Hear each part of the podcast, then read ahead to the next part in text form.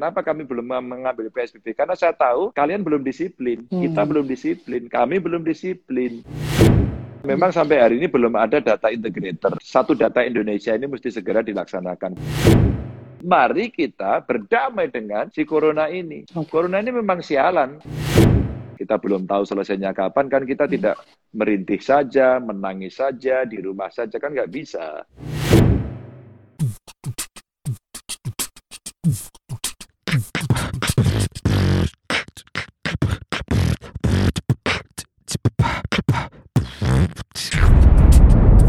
Cuap-cuap cuan. Kita akan kedatangan narasumber yang spesial, yaitu Gubernur Jawa Tengah Ganjar Pranowo. Halo, Assalamualaikum Pak Ganjar. Salam ya. Pripun kabari Pak Ganjar? Alhamdulillah sehat. Alhamdulillah. Saya mau nanya dulu nih Pak. Sebenarnya sampai sejauh ini gimana Pak untuk penerapan uh, eh, PSBB di Jawa Tengah sendiri kan berbagai daerah juga mengikuti nih Pak PSBB di uh, mana-mana. Keefektifannya kalau di Jawa Tengah seperti apa, Pak Ganjar? Enggak, banyak kawan-kawan dari media hmm. kemarin agak keliru sedikit gitu ya. Okay. Kelirunya itu bahwa uh, Jawa Tengah enggak melakukan PSBB kok. Okay. PSBB-nya Jawa Tengah hanya kota Tegal saja. Ya, kota Tegal hmm. kemarin kita evaluasi karena hanya ada satu yang positif, maka yang positif ini sudah berhasil bisa uh, disembuhkan. Tapi yang lain enggak. Lebih pada apa uh, pembatasan kegiatan masyarakat atau PKM. Oh, Oke, okay. nah ini kalau kita lihat data di Jawa Tengah sendiri positif COVID-19-nya totalnya 1.113, Pak. Nah ini ya, gimana? Ya. Apakah uh, jumlah itu uh, ada penurunan dari sebelumnya uh, kasus COVID ada ataupun seperti apa dengan program-program di Jawa Tengah? Enggak, kalau kalau penambahannya terus terus namanya penambahan, tapi uh, yang sembuh jauh lebih banyak daripada yang meninggal ya. Eh, okay. Tentu kita tidak berharap lah warga meninggal, tapi yang sembuh juga lebih baik. Kota Semarang kemarin dengan adanya pembatasan kegiatan masyarakat ternyata lumayan bagus, bisa mulai melandai begitu ya. Banyumas juga mulai bisa stagnan dan cenderung mulai melandai, sehingga kontrol sekarang jauh lebih baik lah insya Allah gitu. Nah, Oke, jadi memang lebih baik ya Pak. Terus kita lihat juga, berarti di Jawa Tengah itu yang PSBB Tegal aja begitu Pak? Hanya kota Tegal ya. Oh gitu, oke. Nah ini kalau misalnya kita lihat juga apa di berbagai daerah banyak permasalahan terkait bantuan sosial. Nah ya. ini uniknya nih di Jawa Tengah seperti apa Pak untuk menghadapi uh, bantuan sosial sendiri? Ya sama sebenarnya kita juga terjadi hal yang sama sih. Okay. Uh, tidak tidak betul karena begini mas, bantuan sosialnya ini kan BST ini kan tingkatannya banyak ya. Hmm. Ada yang dari PKH, PKH itu ada atau tidak ada COVID, bantuannya ada. Terus kemudian ada juga yang BPNT, Bantuan Pangan Non Tunai, 200 ribuan. Itu ada tidak ada COVID, dia ada. Nah sekarang okay. kemudian diperluas lagi dengan uh, bantuan sosial tunai. Nah itu ada dari Kemensos, ada dari dana desa. Nah ini data baru, ini data baru. Sehingga sering kali ada yang overlap, ada yang tidak pas, dan itu terjadi. Maka sekarang kita coba untuk memperbaiki data itu. Sehingga kemarin hmm. kita bekerja sama dengan PT POS, mulai mendeliver, mulai ada komplain, wah ini orangnya punya mobil kok dapat bantuan. Nah, sekarang kita coba evaluasi. Ada sebenarnya sih banyak cara untuk uh, memperbaiki ya. Umpama pengalaman di beberapa kabupaten kota di level desa ditempelin aja daftarnya. Hmm. Sehingga kalau overlap itu akan ketahuan. Nah, cara-cara ini menurut saya bagus juga untuk bisa dilaksanakan, tapi kalau kita lihat tingkat ketepatannya, eh, sebagian besar sebenarnya te tepat ya, tapi selalu ada kalau nilai titik itu satu kolam susu bisa rusak semuanya itu ya. Maka kita mesti betul-betul bisa melakukan satu upaya cleansing. Eh, data okay. integratornya mesti ada. Maka sekarang Kemensos, eh, Kemensos, dinas sosial saya saya minta untuk menjadi data integrator. Sekarang coba lagi mikir dia sistemnya bagaimana gitu. Oke Pak Ganjar. Nah ini kan kita lihat juga di Jawa Tengah uh, Pak Ganjar pernah bilang anggaran uh. kalau ngikutin pemerintah nggak akan cukup. Sedangkan Pak Ganjar juga uh, akan memberikan bantuan sosial juga bagi uh, para perantau di Jakarta. Ini seperti apa, Pak? Kaitannya? Iya, sebenarnya begini, ada banyak apa, banyak cara sebenarnya kita lakukan. Hmm. Kalau perantaunya udah dijamin ya saya nggak akan kasih. Tapi kalau kemudian okay. mereka tidak terjamin, ntar yang kasih makan siapa? Ini soal cerita kemanusiaan saja.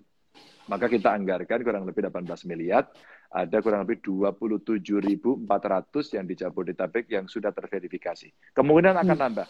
Karena ada 68.000 kurang lebih yang sudah mendaftar, tapi kita verifikasi.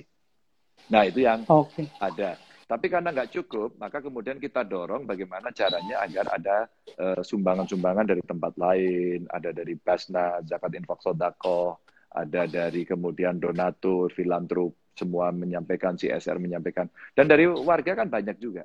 Nah, agar kita bisa apa mencukupi kebutuhan mereka, tidak semuanya meminta dari atas, maka kita buat eh, ini mas. Ya, kelihatan nggak? Wah, apa tuh Pak? Jogo Tonggo, ya Pak ya? Nah, Ya, Joko Tonggo. Kita menjaga tetangga kiri kanan, membuat hmm. lumbung pangan, mengecek mereka yang uh, kelompok rentan, ada yang keluar masuk karena dia mudik, ya. Mungkin ada warga binaan yang sekarang mengalami sudah mengalami asimilasi ya, sehingga kita catetin semua. Kalau kemudian okay. ini bisa dipenuhi, maka lumbung pangan ini akan dijadikan sebagai satu uh, apa buffer begitu ya. Buffer yang bisa kita pakai untuk membackup mereka yang tidak mendapatkan bantuan sehingga lebih mandiri. Diajari nanam diajari ta, apa tanam sayuran warung hidup ada mungkin peternak ikan di situ atau peternak ayam apa pun lah gitu ya yang kemudian itu bisa dipakai untuk menutupi mereka yang tidak mendapatkan bantuan gitu.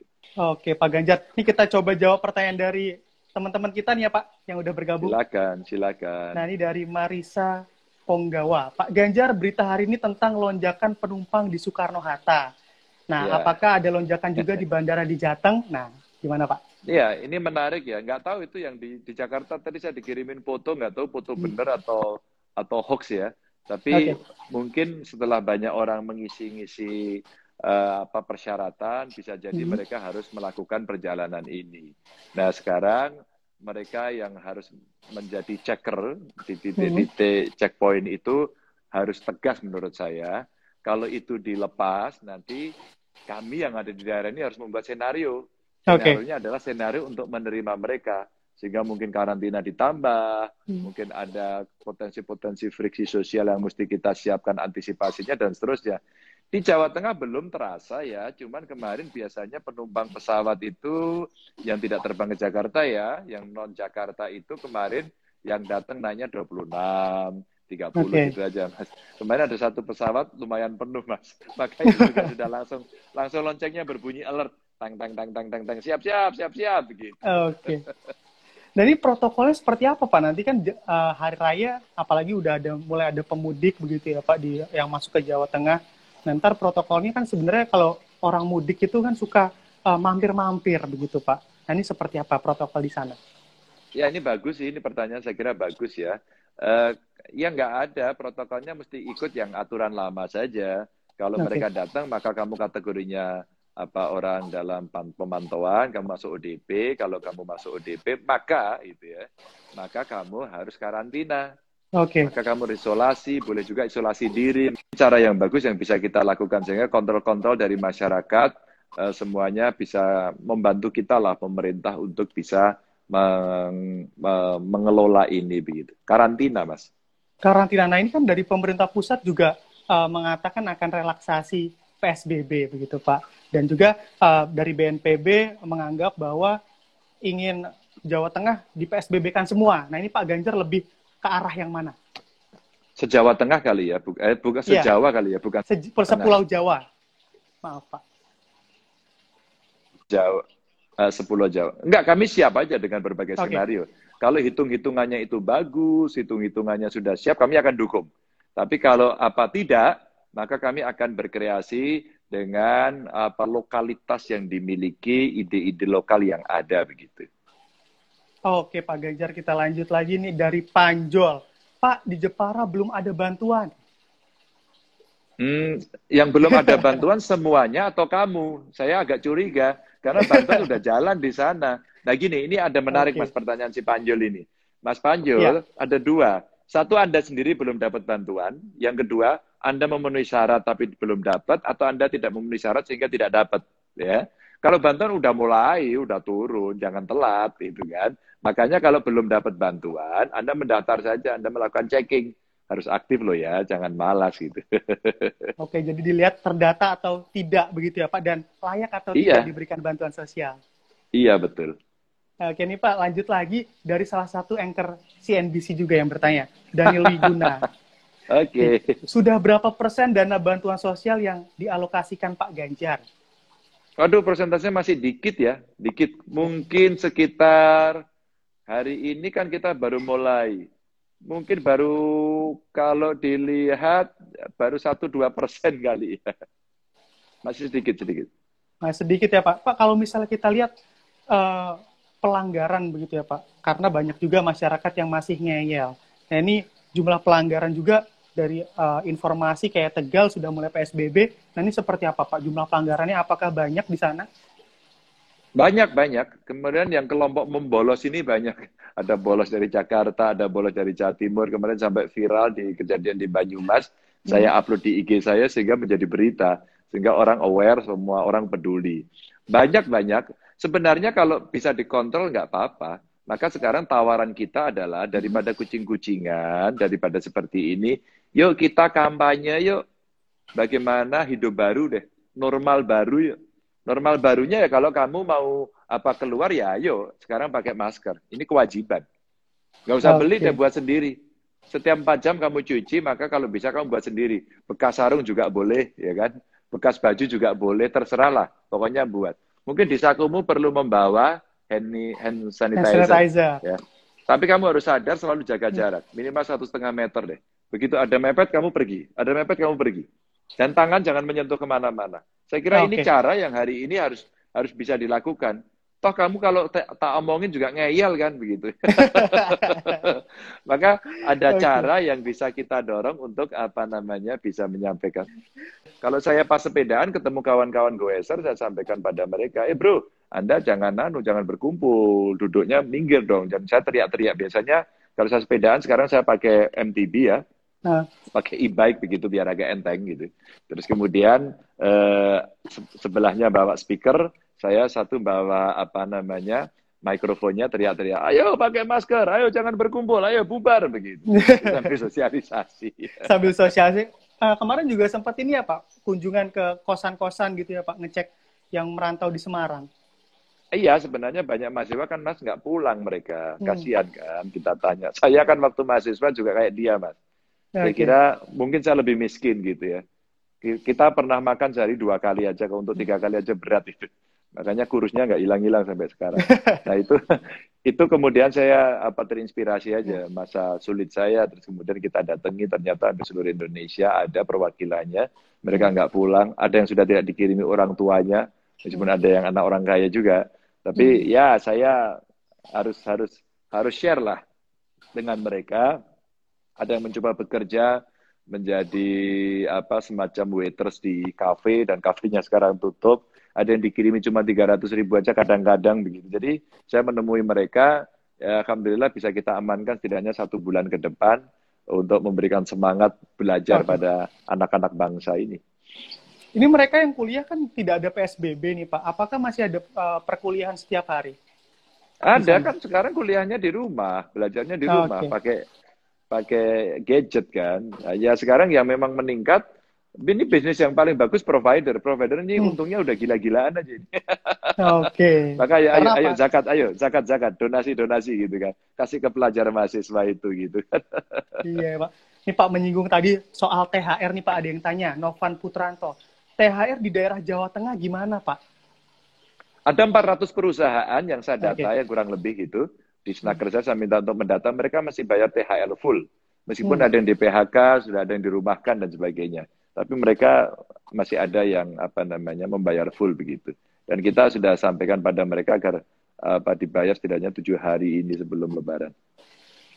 Nah kan juga sempat ada isu nih Pak uh, bahwa THR-nya akan dicicil. Nah ini kalau di Jawa Tengah walaupun dibayarkan full, apakah ada juga dicicil gitu di Jawa Tengah? Ada, yang tidak dikasih ada, di PHK hmm. ada, dirumahkan ada, dicicil ada, komplit, komplit.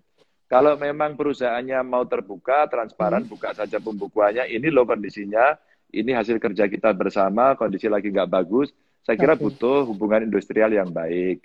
Sehingga nanti nggak marah-marah, nggak ngamuk-ngamuk, dan kita mengerti sama-sama tempat cari hmm. makan kita, kita bisa tahu bersama-sama. Maka saya juga menggugah waktu kemarin Mas May Day itu hmm. saya dorong yuk kita sehari bantu buruh ini yuk gitu. Sehari ini aja deh gitu. Terus okay. kemudian kita bantu kasih sembako pada mereka yang kena PHK, yang kemudian dirumahkan begitu. Berarti memang fokus bantuan ya Pak kalau dari eh, saat-saat uh, kayak gini dan juga bagaimana masyarakat juga bisa uh, hidup dengan diri sendiri, mandiri begitu tadi yang ya. dijelaskan oleh Pak Ganjar. Nah, ini juga Betul. ada yang tanya lagi nih Pak. Pak Ganjar ngapunten, buat pekerja wedding bagaimana nasibnya Pak? Kena, Mohon solusinya. Kenapa itu? Karena memang uh, pekerja wedding. Se sementara ini kan Pak Ganjar uh, uh, pekerja wedding karena mungkin sepi begitu Pak, nggak ada yang melakukan resepsi. Gimana Pak? Jadi yang wedding memang harus melakukan pergeseran untuk berbisnis yang lain apakah berbisnis makanan hmm. atau mungkin ikut-ikut buat masker, buat hmm. hazmat. Uh, kita mau buat trading-trading, Mas. Tadi kita bicara juga dengan beli-beli, sebentar lagi dengan Gojek, kemarin dengan Tokopedia. Uh, besok dengan Bukalapak, maka kita dorong agar mereka mau berlatih ya. Kita jangan menyerah begitu saja. Pak, nggak laku pak. Kami pekerja di wedding. Ya ayo bikin pekerjaan yang lain kan begitu. Nggak boleh kemudian mau nggak ada yang kawin sekarang gimana? Gitu kan. Iya. kita mesti bergeser. Kami nggak mau pak yuk ikut latihan yuk. Ikut di IG saya yuk ikut di diskusinya yuk agar nanti bisa dilatih. Jadi mencari alternatif begitu ya pak melihat apa iya. kondisi yang saat ini. Iya. Dan juga ini pak lanjut lagi pertanyaan pak saya dulu dapat bantuan non PKH tapi semenjak corona bantuan PKH saya kok nggak keluar ya Pak? Saya nggak harus ngadu ke mana Pak? Ya gampang, PKH ngadunya ke Dinsos saja. Anda mengacu ke Dinsos Kabupaten, nanti biar ditelusur begitu ya. Kalau Anda dari Jawa Tengah, bisa lah ke medsos saya juga bisa, nanti biar dibantu dicek. Memang itu yang ngurus langsung pusat sih ya, tapi kita nanti bantu bertanya. Kemarin juga ada kok saat dalam satu tahun nggak keluar gitu, di Kabupaten Blora gitu ya. Dan saya minta untuk Dinsosnya ngurusin gitu.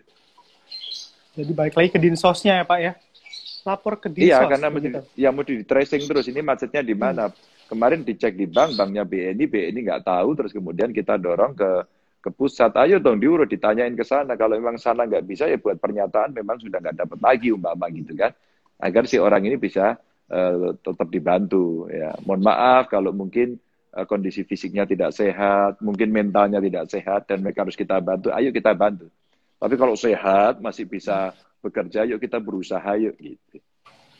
Oke Pak Ganjar. Nah Pak untuk tanggapan Bapak sendiri di masa pandemi ini yang uh, logikanya orang membutuhkan uh, pertolongan kesehatan dan sedangkan uh, Presiden juga mengesahkan begitu membuat Perpres BPJS Kesehatan naik. Nah ini tanggapan Bapak seperti apa? Ya sebenarnya yang kelas tiganya kan masih tetap dijamin sama pemerintah kan. Jadi nggak usah ragu lah gitu. Saya tahu ini pemerintah sulit kok. Membuat keputusan ini pasti tidak happy. Ini keputusan yang tidak populer. Saya paham betul. Bahkan sampai diuji DMA. Tapi ini kan legal policy ya, legal policy. Saya sih melihat pertimbangan-pertimbangan yang dikeluarkan di dalam perpres itu adalah pertimbangan juga kesehatan perusahaannya hmm. yang harus menjamin sekian banyak orang begitu. Jadi apa namanya pasti banyak orang nggak suka. Kalau saya disuruh milih aja saya pilih nggak naik. Tapi dengan okay. kondisi keuangan, kondisi BPJS seperti itu, masa nggak naik? Ya, kemudian yang kelas 1, kelas 2 itulah yang kemudian uh, didorong untuk naik. Saya kira uh, orang boleh mengatakan bagaimana pendapatnya. Saya tahu Presiden pasti ini mengambil keputusan tidak menarik, tidak populer, tapi harus dilakukan. Dan ini memang baik. Okay. Gitu. Cuman yang jangan khawatir, yang kelas bawah, yang PBI kan tetap dijamin oleh negara, jadi nggak usah takut. Oh, Oke, okay. Pak Ganjar untuk sebenarnya untuk BLT sendiri itu pendatanya seperti apa Pak di sana? Apakah diusulkan uh, dari desa? Okay. Diusulkan dari desa, terus kemudian diverifikasi oleh kabupaten, ya, terus kemudian diteruskan ke pusat. Itu untuk BST yang diberikan oleh Kemensos. Kalau yang dari provinsi sama, dari desa ke kabupaten terus ke kami. Nah, sering kali di desa dan di kabupaten ini sering kali kalau tidak ada perubahan dan valid, maka beres. Kalau di antara kedua ini nggak valid, maka tidak beres. Gitu. Kalau kami nggak bisa hmm. nambah, pusat nggak akan bisa nambah. Kecuali ada yang nakal. Yang nakal menggunakan data lama. Maka kemarin ada yang menyampaikan, wah datanya dari tahun 2015 Pak. Begitu katanya. Nah pengecekan datanya ini sejauh ini seperti apa Pak? Ya ini pertanyaan bagus ya. Memang sampai hari ini belum ada data integrator. Ini ini pertanyaan hmm. bagus banget. Satu data Indonesia ini mesti segera dilaksanakan. Perpresnya juga sudah ada begitu ya. Okay. Maka maka baik juga untuk yang memegang apa namanya kendali langsung, umpama dalam hal ini Kemensos begitu ya, khusus yang mengu mengurusi data ini baik juga untuk ini uh, dilakukan updating, verifikasi, validasi. Atau kalau enggak bisa juga sebenarnya diserahkan pada kami. Karena kami okay. ini wakil pemerintah pusat di daerah, mencari kerjaannya namanya.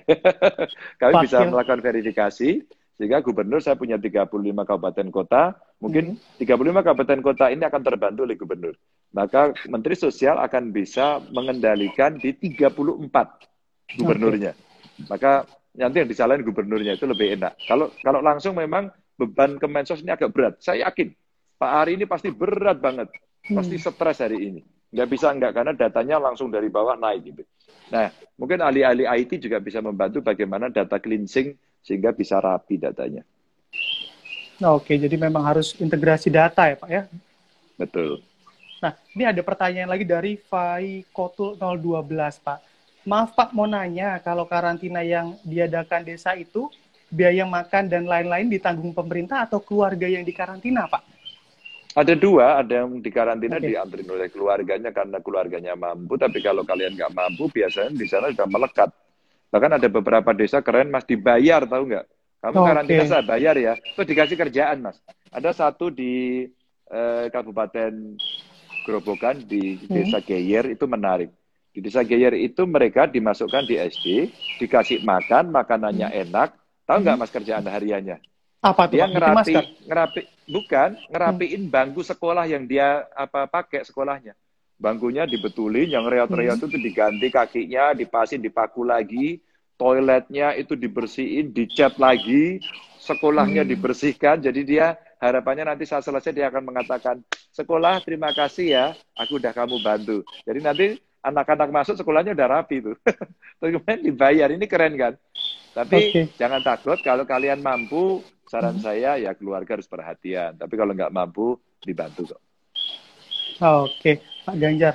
Nah kalau misalnya tadi ada bisnis uh, masker gitu warga di daerah-daerah di Jawa Tengah, nah ini gimana Pak persentase kenaikan UMKM sendiri berarti di saat pandemi ini seperti apa? Ataukah hanya alternatif aja dari uh, peralihan bisnis A ke bisnis B ataupun malah uh, jadi terangsang gitu sektor UMKM-nya karena pandemi ini? Ada yang kemudian UMKM-nya laku keras, umpama yang dia hmm. bisa mencuri perhatian awal, mengerti tren bisnisnya, okay. dan kemudian apa namanya masker ini ini hmm. menjadi alat uh, yang dibutuhkan oleh manusia ya. Maka yang ngambil di awal-awal ini keuntungannya banyak. Atau kemarin okay. yang beli jual masker apa namanya masker kesehatan hmm. itu juga sempat ya, tapi dia hanya trading. Atau barangkali yang membuat apa hand sanitizer ini mereka juga punya keuntungan. Ada yang jualan makanan juga punya keuntungan, ya. Tapi ada juga yang kemudian nyungsep. Jual baju sekarang nyungsep. Ada okay. jual sepatu, jual tas pasti nyungsep. Maka banyak yang kemudian mereka bergeser. Ya makanan hari ini tetap dibutuhkan loh. Jual hmm. kue kepada saya ke mahasiswa, mahasiswa itu mahasiswa pinter tuh buat kue. 45 ribu Pak, ya udah saya beli begitu. Nah, cara-cara ini sebenarnya cara-cara yang eh, cukup bagus. Jadi uh, eh, UKM-nya dinamis sekali ya, tapi memang lebih banyak yang anu, yang yang agak rontok begitu ya, daripada hmm. yang kemudian tetap bisa berkibar. Lebih banyak yang rontok. Oke nih Pak, ini kan kalau misalnya uh, pandemi ini berlangsung cukup lama Pak, nah ini sepertinya gimana melihat uh, di Jawa Tengah untuk pemulihannya, pemulihan ekonomi sendiri di sana? Iya, sekarang mulai kita perkenalkan apa new normal ya kita memang mesti ada normal baru. Kalau kita mau hmm. bekerja mesti ada jarak, mesti pakai masker. Dan nanti kita kembali bekerja, kita kembali berdagang, tapi harus disiplin. Nah, untuk bagaimana rescue-nya, stimulan dari pemerintah saya siapkan desainnya. Saya lagi mendesain untuk APBD 2021 ya, Mas ya. Maka okay. kemudian saya bilang, ini saya kasih judul APBD pertolongan. Jadi ini rescue APBD-nya. Untuk merescue siapa? Merescue bisnis dan masyarakat. Jadi hmm. ada jaring pengaman sosialnya dan ada jaring pengaman ekonominya. Yang ini kita siapkan agar nanti desain ini bisa kita dorong untuk menyelamatkan. Jadi kalau ini kita belum tahu selesainya kapan, kan kita hmm. tidak merintih saja, menangis saja, di rumah saja, kan nggak bisa. Kita yeah. tetap harus fight, tetap harus semangat, harus survival gitu kan. Sehingga mesti kita kita bantulah mereka. Maka kita siapkan nanti bantuan-bantuan yang dibutuhkan untuk UKM apa saja ya, agar dia bisa hidup mandiri. Kamu mau bertani, mau menjahit, mau buat makanan, mau industri kreatif, yang mana? Maka kami kami ajak apa unicorn unicorn baru ini untuk membantu termasuk dari perguruan tinggi gitu. Oke Pak Ganjar. Nah ini kalau misalnya uh, kita lihat tadi Pak Ganjar juga mention ada bisnis masker gitu. Nah ini untuk penimbun-penimbun masker tuh gimana Pak nasibnya Pak sekarang di Jawa Tengah? nasibnya ya mampus lu gitu. Makanya jangan jahat gitu kan. Nah, maka kemudian begitu dibuat apa masker yang dibikin oleh masyarakat sendiri mas, setelah itu terjadi ya ya mereka kelimpungan maskernya nggak laku gitu kan. Sekarang semua mesti pakai masker sendiri dimerekin sendiri kasih nama sendiri. Oh lebih gaya gitu kan. Sehingga masker yang dari kesehatan jadi nggak laku gitu. Oke Pak Ganjar. Ini kita lanjut lagi dari namaku underscore adit. Pak Ganjar kapan datang serentak PSBB kalau masih himbauan-himbauan aja saya rasa susah. Masih banyak warga yang kurang sadar diri. Nah ini seperti apa Pak Ganjar saya tidak saya tidak yakin kalau saya bisa ngobrol sama dia. Anda mau PSBB bener nggak? Saya nggak yakin loh. Kalau okay. PSBB Anda saya paksa di rumah loh ya, jangan keluar rumah ya. Mau nggak? Mau disiplin nggak? Mau kayak Italia nggak? Mau nggak? Hmm. Kayak Wuhan mau nggak? Kalau Anda serius minta itu saya kasih deh. Anda hmm. jadi juru saya untuk bicara sama masyarakat serius loh ini ya. Nanti sampai, saya seneng kok. Kalau itu bisa saya seneng karena ini akan ya. berakhir dengan cepat. Hmm. Pak Ganjar PSBB Jawa Tengah, oke okay, kalau perlu seluruh Indonesia. Tapi kamu di rumah ya 14 hari aja deh. Tapi semua di rumah, nggak boleh keluar sama sekali. Ya, kamu nggak bisa kerja, kamu di rumah saja. Terus kemudian aktivitas semua tutup dan kamu harus bisa menahan diri. Sanggup nggak? Kalau sanggup, hmm. kamu komentar lagi sekarang. Maka kalau kemudian tidak, kita pakai cara-cara. Kenapa kami belum mengambil PSBB? Karena saya tahu kalian belum disiplin. Kita hmm. belum disiplin, kami belum disiplin. Kalian masih nongkrong kok, sekarang ngabuburit masih pada nongkrong. Okay. Ya, kafe-kafe masih ada yang hidup, masih nekat kok. Karaoke aja masih ada yang hidup mas kemarin mas. Terpaksa oh, masih saya ada pak. ngomong sama bupatinya. Iya, ini gimana ini? Ini kan nggak bener ini. Ya. Tutup saya bilang begitu. Jadi, di daerah mana pak? Tidak di Demak kemarin. Oh, okay. Di Demak. Jadi kita dorong. Mungkin ada tempat yang lain juga, tapi kemarin yang masuk hmm. ke saya laporannya itu. Oke, untuk uh, Pak Ganjar kan masih sepedaan nih Pak, keliling. Nah itu gimana Pak ngelihat masyarakatnya? Apakah sudah tertib juga begitu? Atau setiap di jalan Bapak uh, memberikan uh, solusi gitu ataupun teguran secara halus? Gimana? Yang kedua, ada halus, ada kasar juga. Mas. Oh gitu Pak? ya kadang-kadang kalau bapak, bapak, ibu-ibu begitu. Tapi kalau enggak, saya datang sepedanya. Ibu, bapak, saudara tahu enggak kalau Anda melanggar, Anda bahaya pakai tuh maskernya. Oh, kadang-kadang kali banyak begitu. Mana tapi Pak? Anu, Pak. Ya mana terus sambil bungkusin gorengan gitu kan Mas. Terus saya bilang, hentikan dulu, gitu. Lihat saya, gitu. Kayak, kayak guru guru marahin atau muridnya itu ya, kayak kita marahin anaknya gitu. Ayo, ayo, ayo, ayo, lihat dulu. Terus akhirnya, ayo pakai. Tapi nggak punya apa ketinggalan. Ini tak kasih. Saya peringatkan mulai ini. Besok saya lewat lagi sini. Kalau masih seperti ini, kamu nggak boleh dagang. Begitu. Ini contoh aja yang yeah. kemarin kita melakukan itu. Berarti ke mana-mana bawa sedia masker tuh, Pak? Buat kasih Kalau saya sepedaan, Mas, ya hmm. di sepedaan saya, sepeda saya kan MTB itu saya pasangin hmm. satu apa kontainer kecil itu, terus kita hmm. kasih masker banyak-banyak. Segala kita bagikan lah. Sengaja ya Pak ya, buat yang bandel-bandel langsung dikasih masker, nggak ada alasan gitu ya Pak ya? Iya, habis itu kita rekam, kita viralkan biar orang tahu kan. Tadi Pak Ganjar ada uh, dari Hotman Saragi. Pak Ganjar, bandara di Semarang rame nggak saat ini? Banyak yang mudik atau enggak? Apa tuh? Bandara di Semarang, seperti apa Pak kondisinya? Oh enggak, enggak, enggak. Enggak, masih masih belum rame. Dari kemarin sepi. Ya penerbangan yang Jakarta kan nggak bisa. Surabaya juga nggak bisa. Malang juga nggak bisa. Maka ini yang ada dari Kalimantan, begitu-begitu hmm. ya. Jawa Barat juga PSBB nggak bisa. Okay. Maka dari yang tempat lain yang Sumatera begitu ya. Sumatera pun nggak ada yang direct, jadi sepi sekarang.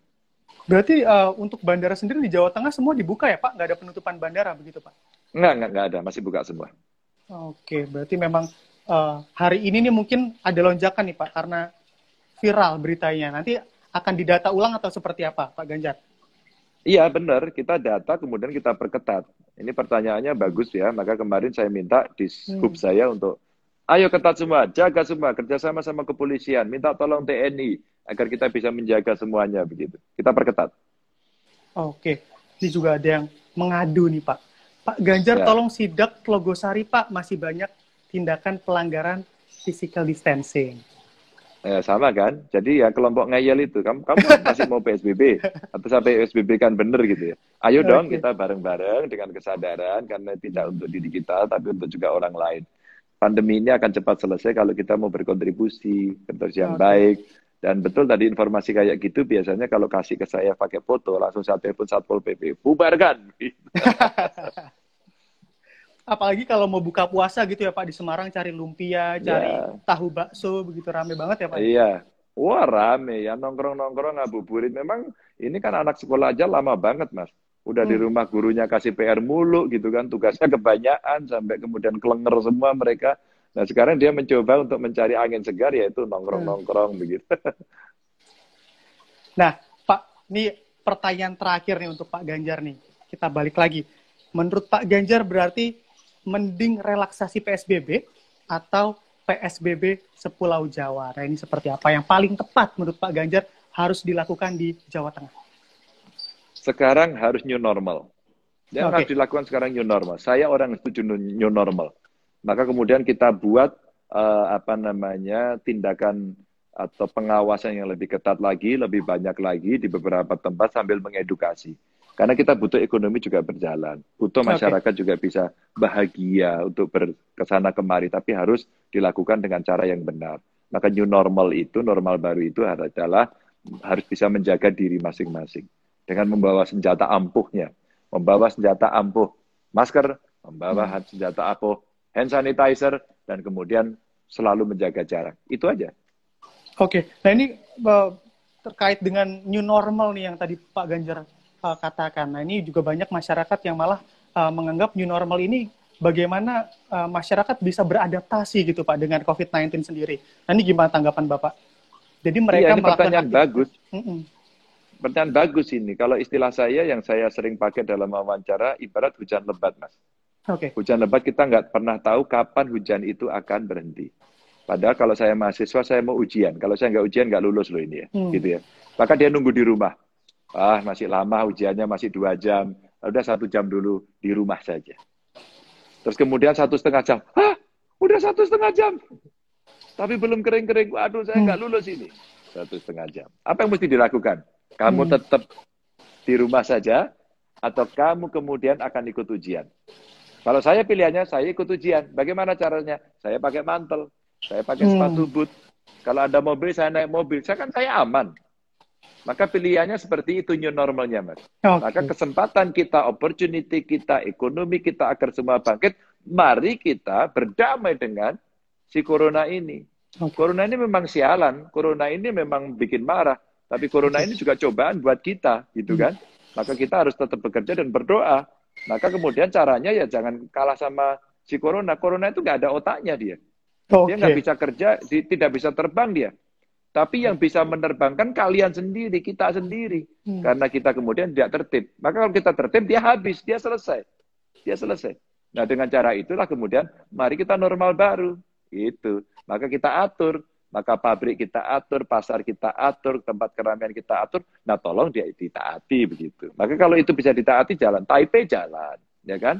kemarin uh, gambar baru yang dikirimkan ke saya videonya dari dari dari Thailand kalau nggak salah hmm. ya dari Thailand. Terus kemudian Hong Kong juga berjalan seperti itu. Ya begitulah. Negara-negara sudah mulai membuka juga.